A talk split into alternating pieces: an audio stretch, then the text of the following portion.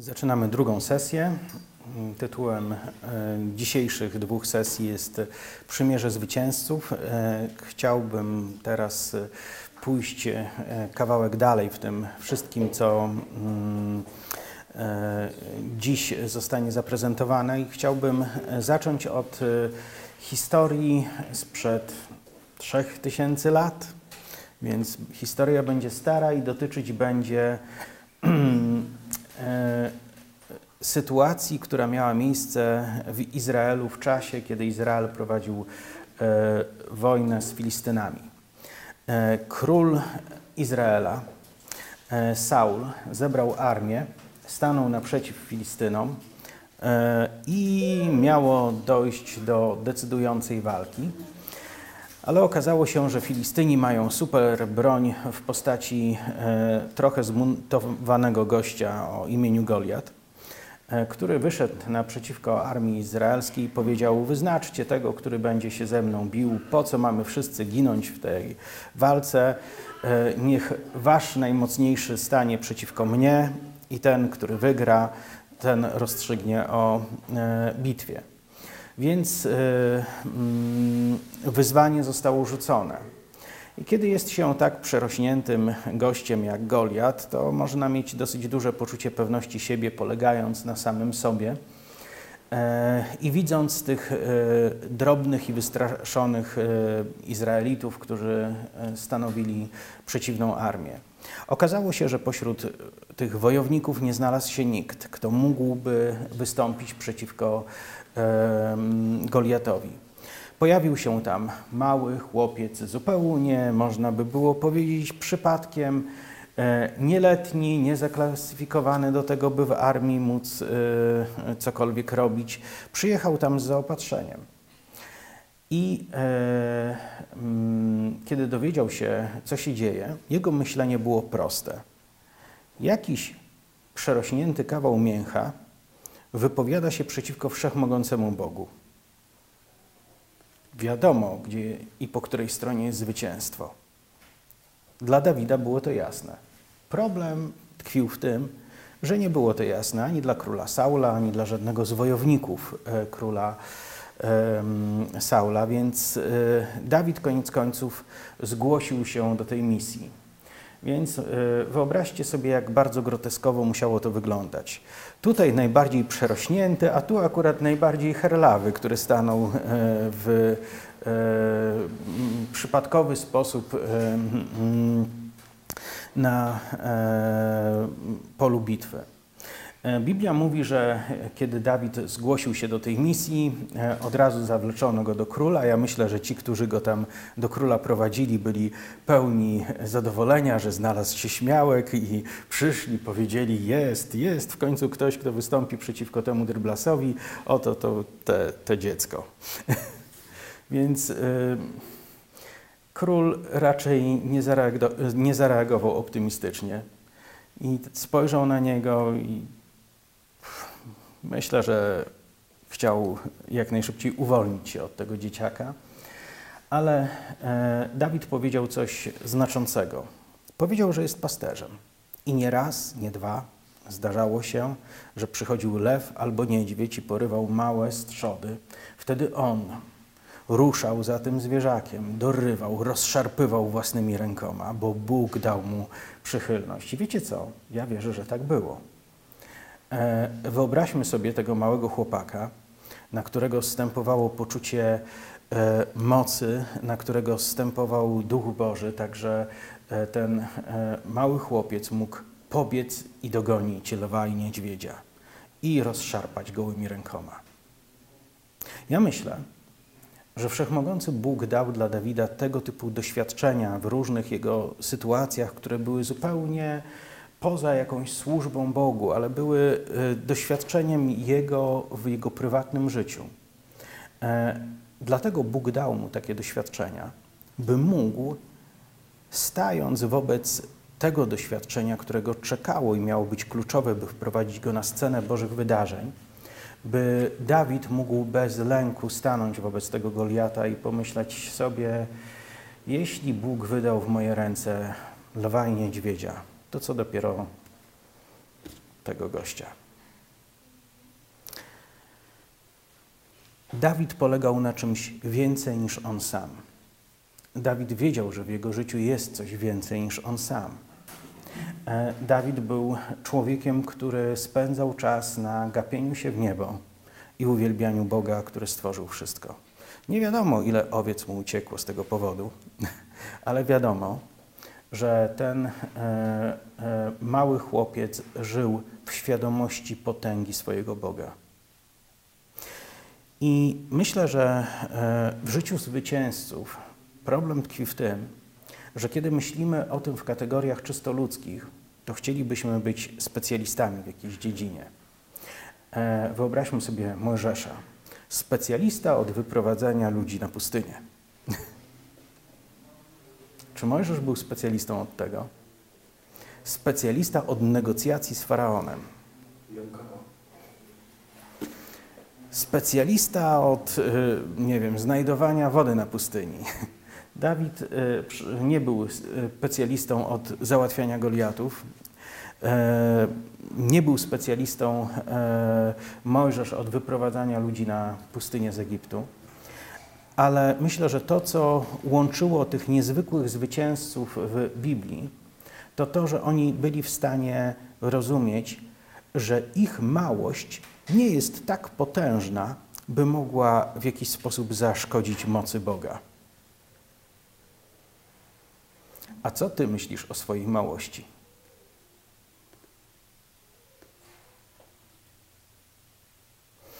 Bardzo często wierzący ludzie mają taki problem, że no, Bóg tak, oczywiście jest wszechmogący, może wszystko i może to wszystko zrobić w życiu każdego, kto ma na imię Heidi Baker.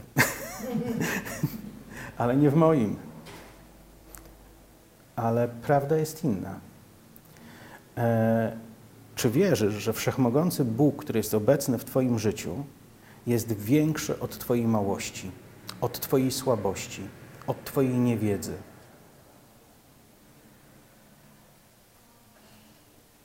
Problem tkwi w tym, że my bardzo często możemy powiedzieć, ale ja nie mam wiary, ale ja nie jestem ewangelistą, ale ja nie mam takich doświadczeń. A kto miał? Myślę, że bardzo wielu ludzi e, opisanych w Biblii to ludzie, którzy pierwszy raz, gdy stawali wobec tego, co Bóg e, przed nimi kładł, mogliby wycofać się albo mogliby powiedzieć: No, jeśli Bóg mnie do tego prowadzi, to chyba on bierze za to odpowiedzialność.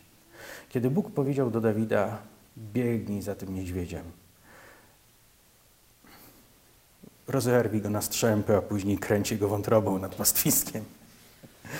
Kiedy Bóg pierwszy raz coś takiego powiedział do Dawida, to Dawid mógłby powiedzieć, Boże, przyjrzałeś się niedźwiedziowi i mi, potrafisz to porównać ze sobą? Dawid mógłby tak zrobić.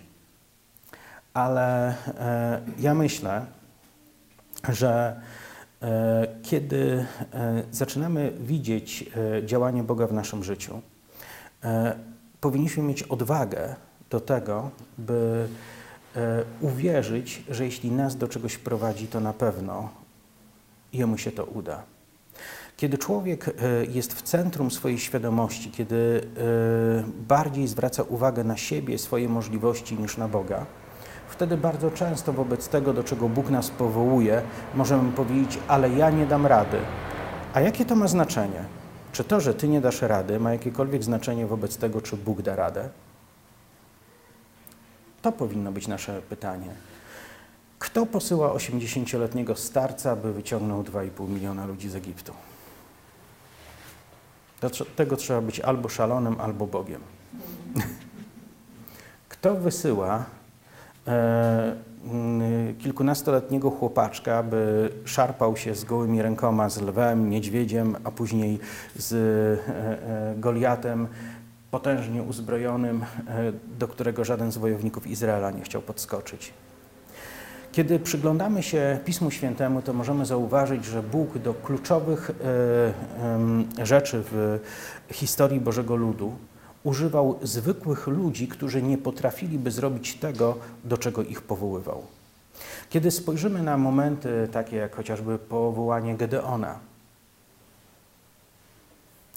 Ci ludzie byli świadomi swojej niemocy. Kiedy Bóg powoływał proroków, oni mówili Bogu, że nie umieją mówić i nikt nie będzie ich słuchał. Oni zdawali sobie sprawę ze swojej słabości, ale e, to jest e, jeden kawałek rzeczywistości. Drugi kawałek to to, czy naprawdę w pełni zdajemy sobie sprawę z Jego mocy.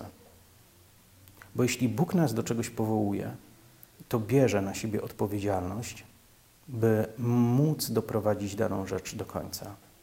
Więc e, jeśli rozumiemy tę zasadę, jeśli potrafimy to wyczytać w Biblii, e, to w sytuacjach, w których Bóg nas powołuje do rzeczy większych niż sięga nasza wyobraźnia, powinniśmy być wdzięczni e, i odrobinę wystraszeni. Mając świadomość, że Bogu się uda, a my powinniśmy zadbać o to, żeby tego nie sknocić. Dawid był zwycięzcą. Dawid był kimś, kto e, wszedł w historię Izraela dzięki temu, że działał w rzeczywistości wiary i był odważny w wierze. On wiedział, że jeśli Bóg jest z nim, to nie jest to ważne, jak wielkie przeszkody przed nim stoją. Bo wiedział, że nigdy nie trafi na przeszkodę większą od Boga, który jest z nim. Ja myślę, że mm, e, jako wierzący ludzie miewamy e, momenty zachwiania. I myślę, że owe momenty zachwiania wynikają z tego, że nie zawsze do końca nasza tożsamość w Chrystusie jest utrwalona w taki sposób, że nie można nas zastraszyć. E, myślę, że bywa, że doświadczamy takich wzlotów wiary w trakcie których nawet zdarza się, że coś znaczącego i cudownego się wydarzy. E, bywa, że niejeden wierzący wypędza przerażające demony z innych ludzi, a dwa tygodnie później boi się zasnąć przy zgaszonym świetle. Takie rzeczy się zdarzają, e, dlatego że doświadczamy pewnych zachwiań. Ale myślę, że ten młody chłopak, e, on spędzał wiele nocy e, uwielbiając Boga, grając, śpiewając, koncentrując się nad Nim, koncentrując się na Bogu bez reszty. I myślę, że coś bardzo głęboko zostało utrwalone w Dawidzie.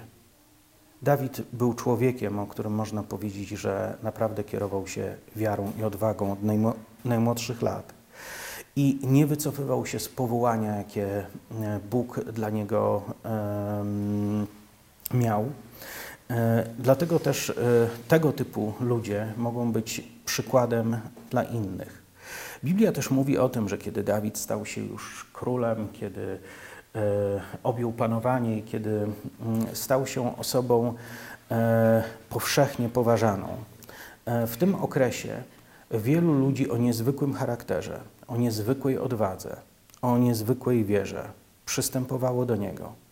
Biblia mówi o tym, że kiedy któregoś dnia Dawid oblegał miasto, e, westchnął e, w Izraelu, to nawet nie jest dziwne, że ludzie wzdychają w takiej sprawie. Tam naprawdę jest bardzo sucho i bardzo gorąco. Westchnął, kto mi da wody ze studni, która jest w tym mieście. I trzech takich przeskoczyło przez mur, znalazło się na terytorium wroga Zrobili tam zadymę jak na porządnym westernie, nabrali wody i przynieśli Dawidowi.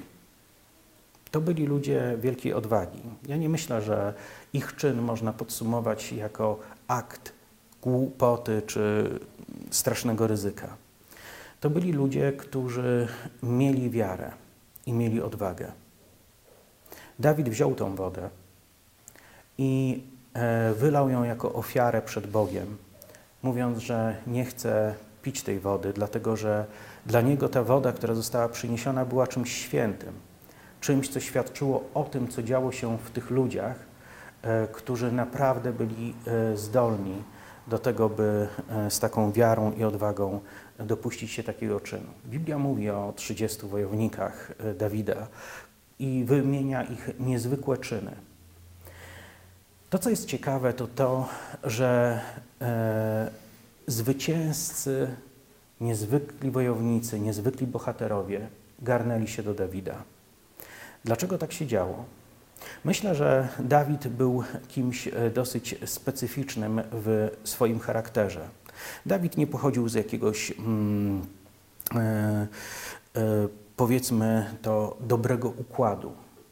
E, Dawid był człowiekiem, e, który mm, e, wszystko, cokolwiek osiągnął, osiągnął w wyniku tego, że był poddany Bogu i kierował się e, wiarą i świadomością tego, że wszechmogący Bóg mu towarzyszy. E, Dawid wiedział, e, że jest nad nim wielkie powołanie, które będzie mogło wypełnić się w przyszłości. W którymś momencie prorok Samuel namaścił go na króla. I Dawid rozumiał, że to jest kwestia przyszłości. Wiedział, że to nie jest tak, że teraz może chodzić i obnosić się tym, E, i e, czy że może pogardzać ówczas panującym królem. E, Dawid potrafił zachowywać w tym wszystkim niezwykłą pokorę. Zniósł bardzo wiele cierpienia, bardzo wiele trudności i popełnił niesamowite ofiary. Kiedy patrzymy na Dawida, to można dojść do wniosku, że był to człowiek, który budził zaufanie w tych, którzy go otaczali. Oczywiście znalazły się też niechlubne historie w życiu Dawida e, i opisane są w Biblii jego grzechy, a też i jego wojownicy nieraz wykazali się e, działaniem niezgodnym z Bożymi oczekiwaniami. Ale jednak e, można ponad wszelką wątpliwość powiedzieć, że to, co sprawiało, że w armii Dawida znalazło się tak wiele niezwykłych bohaterów, było to, że e, ci ludzie nie czuli się zagrożeni przez Dawida, ale wiedzieli, że będąc w jego towarzystwie są w możliwie najlepszym towarzystwie. E, zwycięzcy przyciągają siebie. I e, mm, my, jako wierzący ludzie, powinniśmy być tego rodzaju zwycięzcami, którzy przyciągają siebie bez konkurowania ze sobą. Myślę też, że ważne jest, abyśmy e, spojrzeli na e, swoje powołanie pod e, kątem tego, co dzieje się w świecie i pod kątem tego, jaką mamy rolę do odegrania. Biblia pokazuje, że odpowiedzialnością Kościoła jest to, byśmy wspierali siebie nawzajem we wzroście, ale też byśmy pozyskiwali innych dla Chrystusa. Działamy na terenie, który mm, jest, e, tak jak pismo e, pokazuje, na którym panoszy się na wiele różnych sposobów diabeł. Kim są wierzący? Kiedyś usłyszałem takie stwierdzenie, że wierzący to komornicy, którzy odbierają diabłu e, Bożą własność, którą próbuje nielegalnie zarządzać. Jesteś komornikiem. Spójrz sobie w twarz w lustrze i powiedz, ty komorniku jeden. Wszyscyśmy komornikami. E, wiecie, e, gość, który e, próbuje trzymać w swoich łapach to, do czego nie ma prawa, który próbuje trzymać w swoich łapach innych ludzi, nie zamierza być e, wobec nas przyjemny i nie zamierza ułatwiać nam. To nie jest tego typu gość, który będzie e, kładł się niczym wystraszony pies, merdając ogonem przed nami, kuląc się, kiedy tylko zobaczy, że pojawiamy się w jego zasięgu. To jest ktoś, kto będzie próbował agresywnie warczeć, szczekać i rzucać się na nas, żeby pokazać nam, że wchodzimy na jego teren i on nam na to nie pozwala. I najgłupszą rzeczą, jaką moglibyśmy zrobić, to zachować się tak, jak gdyby to, co diabeł ma nam do powiedzenia, było ważniejsze niż to, co ma nam Bóg do powiedzenia. Rozumiecie? Co chcę w tym ująć? I e, Chrystus posyłał po dwóch. Ja myślę, że między innymi z tego powodu, żebyśmy sobie nawzajem e, mogli przypominać w momencie, kiedy ktoś przeżyje lekkie zachwianie, kto tu ma rację i kto tu stoi na prawie. E, mamy postanowienie Boga. Jezus powiedział: Dana mi jest wszelka władza i moc na niebie i na ziemi. Dlatego właśnie idźcie i czyńcie uczniami wszystkie narody. Wiecie, co, co to znaczy? Jezus uznał, że wszystkie narody, Jezus uznał, że wszyscy ludzie w Zambrowie, w Polsce i Europie i wszystkich krajach, to ludzie, którzy powinni stać się Jego uczniami. E, I diabeł nie ma prawa ich przed tym powstrzymywać. Ale to my mamy pójść i my jako Kościół mamy e, tupnąć nogą na diabła, tak żeby to on się wystraszył. Ja myślę, że bardzo e, długo i bardzo często wspólnoty żyją w takim duchu defensywy, gdzie próbujemy reagować na to, jak jesteśmy zaatakowani. Podczas gdy, jeśli spojrzymy na język Nowego Testamentu, na wyobrażenia Chrystusa, to okazuje się, że On mówi do nas: Nie bój się, maleńka trzutko, bo ja sobie tak postanowiłem, że właśnie Wam dane będzie królestwo, że to Wy będziecie triumfować, że to Wy będziecie zwycięzcami, że to Wy odbierzecie diabłu to, czego nie chce Wam dać. I to stawia nas przed pewnym e, e, trudnym pytaniem. W co będziemy wierzyć? Co e, będzie głośniejsze w naszych uszach?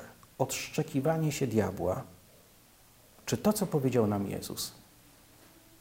Czym będziemy się kierowali? Co będzie dla nas ważniejsze?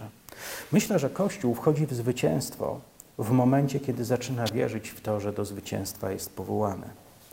Myślę, że Kościół wchodzi w zwycięstwo wtedy, kiedy odważnie zaczyna e, postępować w zgodzie z tym, e, co Bóg nam powiedział. Czy Bóg miał mniej życzliwości wobec któregokolwiek z Izraelitów, którzy stali na e, tym polu walki naprzeciw Goliata?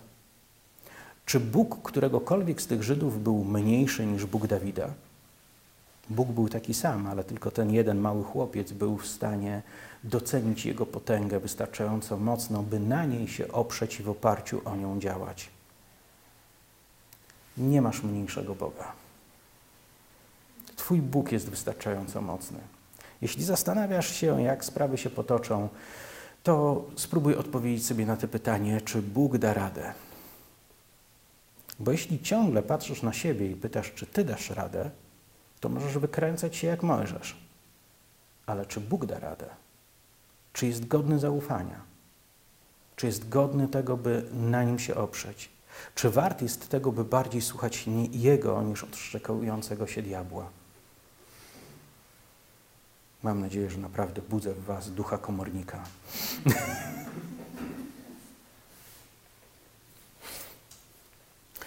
Myślę, że diabeł powinien Was nienawidzieć, brzydzić się Wami i bać się Was i uciekać od Was. Tego mu życzę. I myślę, że wszystko to staje się realne w momencie, kiedy pewne rzeczy dopracowujemy w swoim wnętrzu. Możesz być wierzącym człowiekiem, możesz być powołany do tego, by żyć w oparciu o te skarby, możesz być wyniesiony i, u, i utytułowany przez Boga jako ród królewski i kapłański, ale możemy nigdy nie zachowywać się w zgodzie z tym, co zostało o nas powiedziane. Możemy sami osuwać się i nie synchronizować z tym słowem, e, które zostało wypowiedziane nad nami, tak jak Izraelici na pustyni. Dlatego e, Potrzebujemy to zrozumieć. Biblia mówi, na początku było Słowo, Słowo było u Boga, a Bogiem było Słowo. Wszystko przez nie się stało, a bez Niego nic się nie stało. Kiedy zaczynasz wierzyć Bożemu Słowu jako najwyższej prawdzie w Twoim życiu, te Słowo staje Ci się ciałem, zamienia się w fakty Twojego życia – ale kiedy badasz te słowo, czy to prawda, czy nieprawda, kiedy funkcjonujesz obok tego słowa, czy na granicy, wtedy trudno jest rozpędzić się według jednego, jedynego planu, jaki Bóg ma dla Twojego życia. A On ma dla Twojego życia tylko plan A. Nie ma planu B. Jeśli próbujesz żyć poniżej tego, co zostało wypowiedziane e, na temat naszego powołania, wtedy będziemy rozmijali się nieustannie z Bożą wolą. Ale jeśli zbadamy to, to będziemy musieli, choćby nie wiadomo jak nas to drażniło, choćbyśmy nie wie, wiem ile znajdowali powodów przeciwko, będziemy musieli zgodzić się z tym, że jesteśmy powołani do tego, by zwyciężać. Zwycięstwo jest naszym dziedzictwem. Chrystus zwyciężył diabła, pokonał go i zaprasza nas, abyśmy przeszli się po jego klęsce, idąc do wieczności. To nie nas powinny parzyć stopy, tylko jego plecy.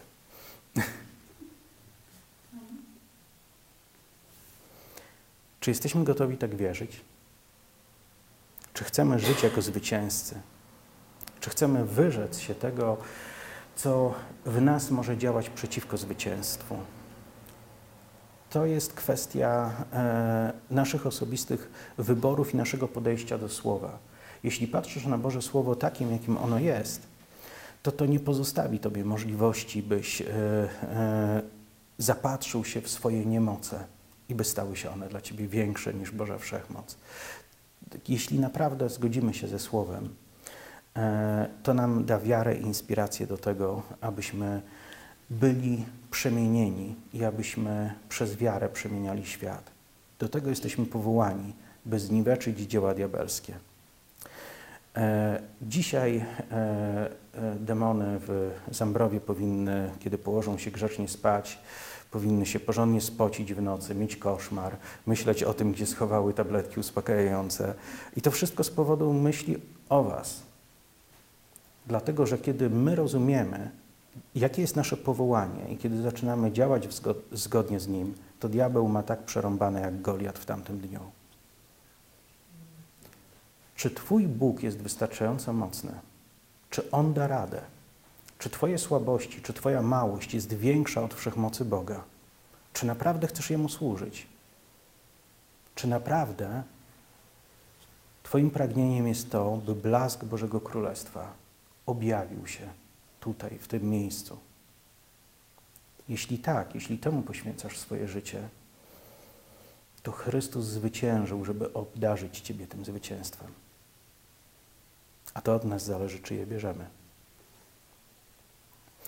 Nie wiem, ile mówiłem, ale chciałbym e, w tym miejscu zakończyć, życząc Wam, abyście e, uchwycili te słowo e, i abyśmy odważnie wierzyli. I abyśmy nigdy nie dali się zastraszyć odszczekiwaniu diabła. Amen.